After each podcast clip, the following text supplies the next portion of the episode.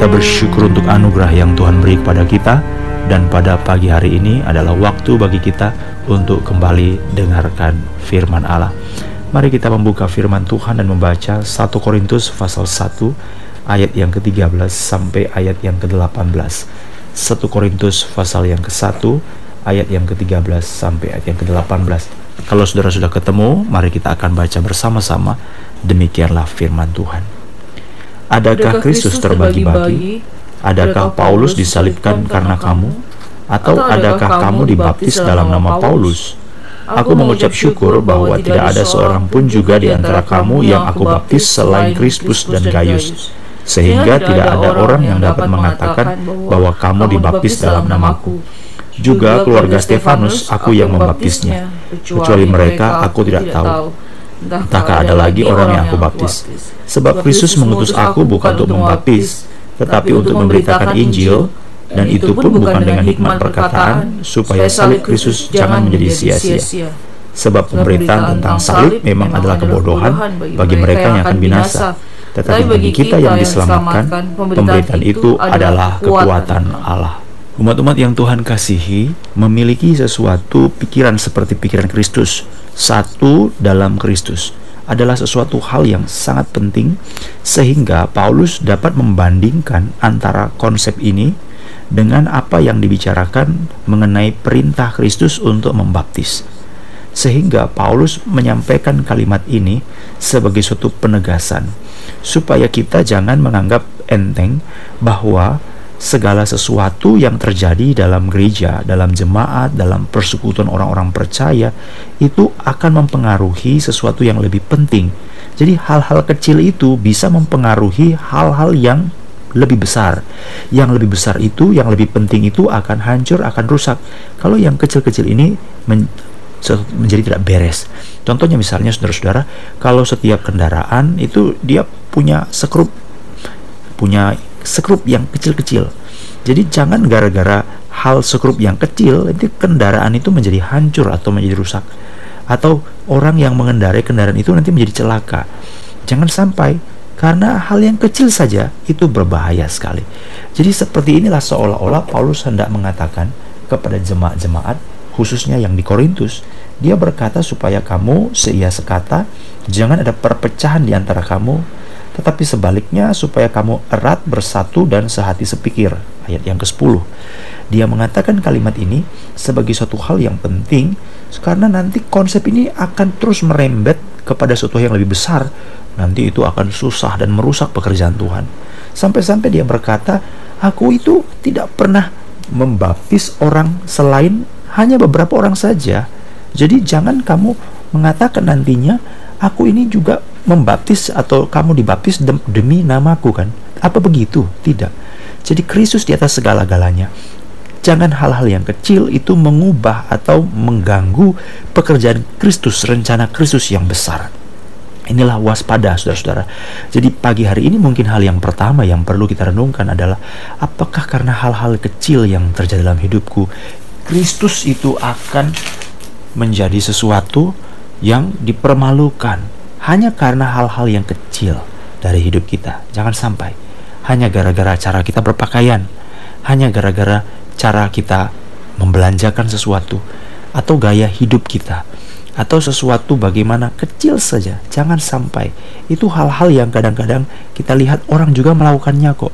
Tapi gara-gara hal yang seperti itu, Kristus tidak dipermuliakan. Jadi kalau kita baca bagian ini, ujung yang paling akhir itu adalah pemberitaan Injil itu yang baru kita baca ya. Jadi Paulus tidak ingin pemberitaan Injil itu menjadi terganggu. Nanti kita akan lihat bagaimana alurnya tentang kok bisa sampai ya hanya gara-gara perselisihan, gara-gara perbedaan itu bisa mengganggu pemberitaan Injil. Mari kita baca. Jadi jemaat di di Korintus itu sudah mulai bertanya atau mengkelompokkan diri sehingga Paulus berkata, "Adakah Kristus terbagi-bagi?" ayat 13. Adakah Paulus disalibkan karena kamu? Tidak. Kristus itu satu. Paulus pun harus tunduk kepada Kristus. Bagaimana mungkin kamu mengatakan aku adalah kelompok Paulus? Apolos pun harus tunduk kepada Kristus. Bagaimana mungkin kamu berkata aku kelompok Paulus? Sehingga Paulus mengatakan, adakah juga kamu dibaptis atas nama Paulus? Tidak ada. Kita semua dibaptis atas nama Kristus. Paulus pun dibaptis atas nama Kristus. Kita semua tunduk kepada Kristus. Jadi Kristuslah yang utama, bukan diri kita. Itu yang kita renungkan kemarin ya. Padankanlah dirimu, sesuaikan dirimu, cocokkan dirimu dengan Injil Kristus, bukan dengan diri sendiri. Jadi inilah yang kita upayakan. Jangan hanya karena hal yang kecil, maka kita mengganggu menjadi batu yang mensandungkan orang lain sehingga orang lain juga tidak bisa menerima Injil. Karena anak-anak Tuhan terlalu sembrono. Karena anak-anak Tuhan terlalu serupa dengan dunia ini sehingga orang tidak melihat perbedaan manakah yang percaya kepada Kristus dengan mana yang tidak percaya kepada Kristus. Cara-cara yang kita kerjakan tidak ada bedanya, sama seperti orang lain. Kita membaurkan diri, kita meleburkan diri dengan orang lain di mana-mana sehingga waktu kita membaurkan diri, kita juga menjadi orang yang tidak terlihat. Ini berbahaya. Membaurkan diri boleh, tetapi jangan sampai waktu kita membaurkan diri kita menjadi serupa dengan dunia ini. Tidak boleh. Garam dia larut dalam air, betul. Tetapi ada yang berubah. Air itu menjadi asin gula itu dia larut dalam air. Betul, tetapi air itu berubah menjadi manis. Kita berada di tengah-tengah masyarakat membaur, betul.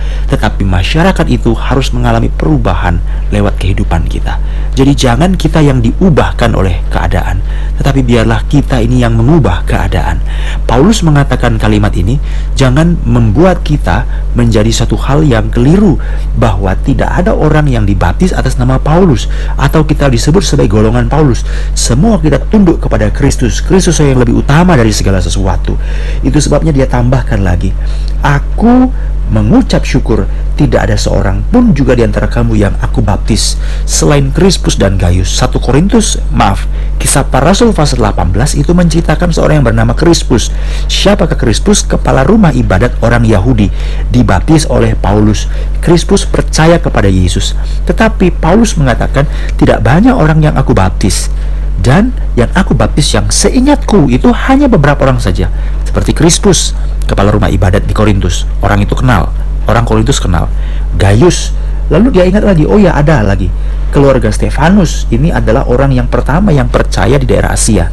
Ini aku yang membaptis. Jadi dia membicarakan nama ini sedikit saja yang dibaptis.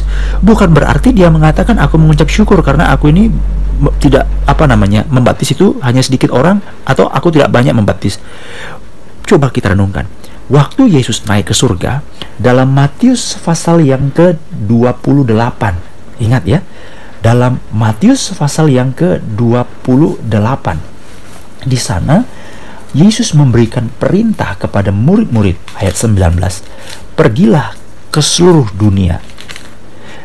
Jadikanlah semua bangsa muridku Lalu ajarlah mereka.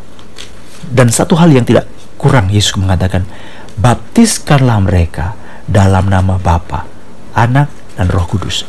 Jadi perintah untuk membaptis itu sebenarnya adalah perintah dari Yesus. Tapi kenapa Paulus mengatakan, aku bersyukur kepada Allah, aku tidak membaptis banyak orang selain Krispus, Gaius, dan keluarga Stefanus. Seharusnya dia malu dong. Dia harusnya malu karena Tuhan Yesus sendiri memerintahkan untuk membaptis. Tetapi kenapa Paulus mengatakan, "Aku mengucap syukur bahwa tidak ada seorang pun di antara kamu yang aku baptis." Seolah-olah Paulus ini berterima kasih karena dia tidak membaptis. Padahal pembaptisan itu adalah perintah daripada Tuhan Yesus. Jangan salah memahami, jangan keliru kita memahami. Paulus tidak senang atau Paulus tidak mengucap syukur karena sedikit yang dia baptis, tidak. Paulus hanya ingin menunjukkan kepada kita bahwa baptisan pun tidak lebih penting daripada pemberitaan Injil. Makanya kalau kita baca Matius pasal 28, kita akan ketemu hal yang utama dan hal yang belakangan. Hal yang pertama dan hal yang kemudian. Apa itu? Hal yang pertama yang dikatakan dalam Matius 28 adalah pergilah jadikanlah semua bangsa muridku. Ini yang penting. Baru setelah mereka percaya kepada Yesus, mengambil keputusan mau menjadi murid Yesus, barulah mereka dibab dibaptis. Barulah mereka dia diajar. Jadi apakah semua orang yang dibaptis ini adalah orang yang percaya? Ya. Tapi apakah semua orang yang percaya ini adalah orang dibaptis? Ya, mereka dibaptis. Tetapi Paulus lebih mementingkan adalah pemberitaan Injil. Aku yang mengerjakan pemberitaan Injil. Tapi tidak aku yang membaptis. Mungkin orang lain yang membaptis hanya untuk menekankan baptisan itu penting, penting. Tetapi siapa yang melakukan baptisan? Bagi Paulus, aku lebih penting untuk melakukan pemberitaan Injil. Kalau melakukan baptisan nanti ada orang lain yang bisa membaptisnya. Jadi Paulus ingin menunjukkan kepada kita betapa saudara-saudara ada bagian-bagian yang harus kita perjuangkan sebagai suatu hal yang lebih penting, yang lebih utama. Jangan sampai yang lebih penting ini menjadi terganggu, yang lebih besar ini terganggu sehingga apa? Sehingga hal yang paling utama itu tidak tercapai. Perhatikanlah hidup kita, perhatikanlah diri kita, perhatikanlah kita, karena kita tahu bahwa jangan sampai diri kita menjadi halangan untuk pemberitaan Injil. Paulus berkata dalam ayat 16, 17, juga keluarga Stefanus aku yang membaptisnya. Kecuali mereka aku tidak tahu, mungkin dia lupa, mungkin dia tidak ingat lagi, atau mungkin ada, mungkin masih ada kita tidak tahu, tapi dia mengatakan aku tidak tahu, hanya untuk memastikan hanya sedikit saja yang aku baptis, tetapi adakah orang lain yang aku baptis? Aku tidak tahu. Ayat 17. Sebab Kristus mengutus aku bukan untuk membaptis, tetapi untuk memberitakan Injil. Dan itu pun bukan dengan hikmat perkataan, supaya salib Kristus jangan jadi sia-sia. Jadi Paulus hendak mengatakan, marilah kita kembali kepada apa yang Allah kehendaki. Yang Allah kehendaki adalah itu yang kita kerjakan. Yang Allah mau lakukan adalah itu yang kita lakukan. Yang Allah inginkan adalah itu yang kita inginkan. Jadi Paulus mengatakan kalimat ini bukan berarti dia mengatakan baptisan tidak penting, tidak. Baptisan tidak dikerjakan, tetap dikerjakan. Tetapi bagi Paulus sebagai seorang rasul Kristus, membaptis bukanlah hal yang lebih penting untuk dikerjakannya oleh dirinya ya dibandingkan memberitakan Injil. Baptisan tetap dilakukan, tetap dilakukan, tetapi mungkin ada orang lain yang bisa melakukannya. Tetapi bagi Paulus sendiri, orang itu perlu mendengar Injil. Saudara-saudara, saya mengajak kita untuk membaca ayat firman Allah dalam 2 Korintus pasal yang kedua ayat yang ke-11, ayat yang ke-10 Sebab barang siapa yang 2 Korintus pasal 2 dan ke-10 dan 11 Barang siapa yang kamu ampuni kesalahannya Aku mengampuni juga kata Paulus kepada orang Korintus. Sebab jika aku mengampuni seandainya ada yang harus kuampuni Maka itu ku buat karena kamu di hadapan Kristus.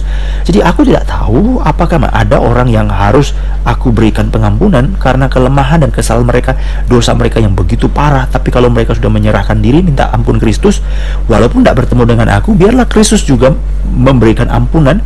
Dan aku itu sudah hitung memberi ampunan karena apa? Ini bukan soal yang terlalu besar. Karena apa, saudara-saudara? Ini bukan masalah upacaranya, harus ketemunya, harus bertatap mukanya, enggak, enggak, enggak, enggak. Kalau memang betul-betul kamu sudah bertobat, kalau betul-betul orang itu sudah dimiliki pengampunan pada Kristus, biarlah juga pengampunan Kristus bekerja atasnya, dan otomatis aku pun melepaskan ampunan. Jadi tidak perlu dia minta maaf kepada saya. Dia hanya perlu mengerjakan di hadapan Kristus karena aku pun akan melakukannya di hadapan Kristus. Walaupun tidak ketemu di hadapan Kristus loh, bukan di depan kamu, bukan di depan orang, tapi di depan Kristus. Aku itu tidak ada. Karena ini bukan hal yang lebih besar, ada yang lebih besar. Yaitu apa tadi? Ayat 11. Jangan sampai iblis beroleh keuntungan atas kita. Sebab kita tahu apa maksudnya. Setelah ayat 11 dia ngomong ayat 12. Ketika aku tiba di Troas untuk memberitakan Injil, aku dapati bahwa Tuhan telah membuka jalan untuk pekerjaan di sana. Jadi bagi Paulus, interaksi sosialnya itu tidak terlalu lebih penting daripada pemberitaan Injil. Interaksi sosial maksudnya apa? Kan ceritanya orang-orang Korintus ini banyak yang keliru ini. Banyak yang bikin kacau ini. Tapi Paulus mengatakan, kalaupun aku telah menegur kesalahanmu, lalu aku pergi kamu nggak ketemu lagi dengan aku. Jangan kamu mengatakan, aduh aku ini ada satu lagi yang kurang. Apa yang kurang? Aku belum minta maaf sama Paulus. Paulus berkata, kamu tidak perlu. Tidak perlu kita ketemu. Tidak perlu kita tetap muka. Tidak perlu kita seremonial. Tidak perlu kita buat upacara. Tidak perlu kita buat acara. Tidak perlu kita kumpul-kumpul dan mengatakan, inilah waktunya, momentumnya aku minta maaf. Tidak. Kalau kamu sudah bertobat dan minta ampunan pada Kristus, walaupun kita nggak tetap muka, kita nggak ketemu, nggak ada upacara, nggak ada makan-makan, aku pun telah memberikan ampunan sama seperti Kristus telah mengampuni kamu. Karena yang penting daripada ini semuanya bukan pertemuan kita, bukan tatap muka kita, bukan omong-omong kita, bukan kamu secara resmi minta maaf, bukan itu yang paling penting. Yang paling penting adalah kamu hidup sungguh-sungguh di depan Kristus. Aku pun mengharapkan hal yang seperti itu. Jadi kalau Kristus sudah memberikan, aku pun pasti memberikannya. Kamu tidak usah minta, nggak usah tunggu. Dan saudara-saudara, kenapa? Karena ada yang lebih penting, yaitu apa? Injil Kristus. Jangan sampai gara-gara hal seperti ini, maka iblis akan mengambil keuntungan, sehingga Injil Kristus menjadi terhalang. Jadi bagi Paulus ada yang lebih penting saudara-saudara. Jadi saudara-saudara milikilah cara berpikir seperti ini oleh kemurahan Tuhan. Jangan terlalu membesar-besarkan hal yang terlalu kecil. Jangan terlalu menginginkan atau membuat maunya begini, maunya begitu orang lain buat begini kok supaya itu menunjukkan bahwa sah semuanya. Tidak perlu ada sah atau tidak sah yang harus dilihat oleh manusia, tetapi seluruhnya hanya di hadapan Tuhan. Upacara baptisan penting tidak? Penting. Tapi bagi Paulus, melakukan upacara itu tidak mesti harus dirinya yang melakukan. Ada orang lain yang bisa melakukan. Karena bagiku berita Injil yang penting. Jadi saudara-saudara, memberitakan Injil itu adalah satu hal yang sangat penting. Itu sebabnya dalam setiap doa-doa kita, biarlah kita jangan lupa tetap berdoalah untuk pemberitaan Injil. Dalam hidup kita, ingatlah pemberitaan Injil. Apa yang menjadi berita daripada Paulus dan surat-surat susunan-susunan ayat Alkitab juga merupakan susunan-susunan skala prioritas bagi kita. Jadi jangan sampai hal-hal yang kecil ini mengganggu yang besar. Itu yang pertama kita renungkan ya. Hal-hal yang kecil dari hidup kita. Jangan sampai mengganggu hal yang besar. Sangkin kita juga larut dalam dunia ini. Sehingga dunia ini tidak berubah lagi. Kita justru yang dipengaruhi dunia. Jangan. Pemberitaan Injil yang lebih besar itu yang penting, yang utama. Jadi hal-hal yang kecil saudara perhatikan. Yang kedua, yang jangan sampai saudara hanya terfokus kepada hal-hal lahiriah upacara-upacara lahiriah Paulus membicarakan dalam surat yang pertama ini tentang baptisan. Itu tidak lebih penting upacaranya dibandingkan pemberitaan Injil. Jadi upacaranya itu mungkin akan dikerjakan, akan dikerjakan. Tetapi modelnya mungkin kita tidak tahu. Bahkan Paulus sendiri berkata, aku tidak tahu siapa yang aku baptis. Aku membaptis hanya sedikit orang saja. Walaupun itu adalah perintah Tuhan kita. Jadi baptisan itu tetap akan dilaksanakan. Namun Paulus mengatakan itu tidak lebih penting atau harus aku yang mengerjakannya. Karena apa? Berita Injil Contoh yang lain dia katakan dalam 2 Korintus pasal yang kedua, pada waktu ada orang-orang yang sudah jelas-jelas bersalah di hadapan Allah dan Paulus menegur mereka. Mereka minta ampun pada Tuhan. Tidak tentu harus minta maaf langsung kepada Paulus. Biarlah kalau kamu udah minta ampun pada Kristus, aku pun juga pasti sudah akan memberikannya. Karena apa? Karena yang lebih penting daripada itu bukan upacaranya, seremoninya, ketemunya kita, tatap mukanya kita, jumpanya kita, bukan itu yang penting. Tetapi yang penting adalah kamu hidup pada Kristus dan aku ingin supaya jangan sampai iblis mengambil untung karena iblis itu ingin mengganggu pekerjaan pemberitaan Injil. Itu yang paling utama. Dan yang ketiga, berdoalah untuk pemberitaan Injil karena Injil itu adalah yang paling besar dari apa yang harus kita kerjakan di tengah-tengah dunia ini. Itu sebabnya Paulus mengesampingkan banyak-banyak hal. Yang penting itu dikesampingkan. Baptis itu penting, interaksi sosial itu penting bagaimana kita berhadapan dengan orang lain itu penting. Tapi untuk membicarakan supaya satu itu tidak mungkin bisa terjadi.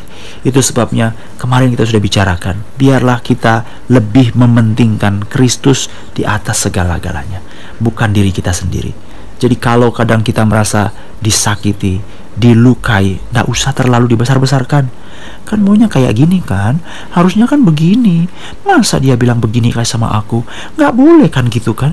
Cobalah kau pikir dulu. Waduh nggak usah dibesar-besarkan. Ya sudah. Orang memperlakukan seperti apa? Ya sudah. Itu hal yang tidak terlalu besar. Yang lebih besar itu adalah pemberitaan Injil. Loh, harusnya dia itu dibaptis loh. Harusnya setelah baptis itu menerima perjamuan kudus loh. Harusnya setelah baptis perjamuan kudus harusnya begini loh. Itu tidak terlalu penting. Upacaranya tidak terlalu penting. Seremoninya tidak terlalu penting. Liturginya tidak terlalu penting. Bagaimana caranya A, B, dan C itu tidak terlalu penting. Yang lebih penting itu adalah berita Injilnya kadang-kadang ada orang yang waktu menerima perjamuan kudus itu dia bilang oh aku tadi ada keliru diulang lagi perjamuan. Apa ulang perjamuan kudusnya? Harus makan roti dulu baru minum anggur. Ini masa minum anggur dulu baru makan roti. Waduh ya sudah tidak terlalu penting. Tidak terlalu penting mana anggur dulu atau roti dulu atau roti dulu atau anggur dulu tidak terlalu penting. Ada yang mengatakan, ah perjamuan kudusnya lucu. Perjamuan kudus itu harus berdiri. Masa ini perjamuan kudus di gereja itu adalah ya ambil masing-masing, minum masing-masing, ya dibagikan ya pokoknya ini kan lucu. Tidak perlu seremoninya, tidak terlalu penting. A, B urutannya tidak penting, C tidak penting. Ketemu minta maafnya itu tidak penting. Yang penting itu adalah berita Injil. Jangan sampai iblis mengambil untung dari semua kekacauan-kekacauan ini. Saudara-saudara, apa yang kita pikirkan? Mari kita minta Tuhan menolong dan memimpin kita supaya kita bekerja prioritas pada hal-hal yang penting.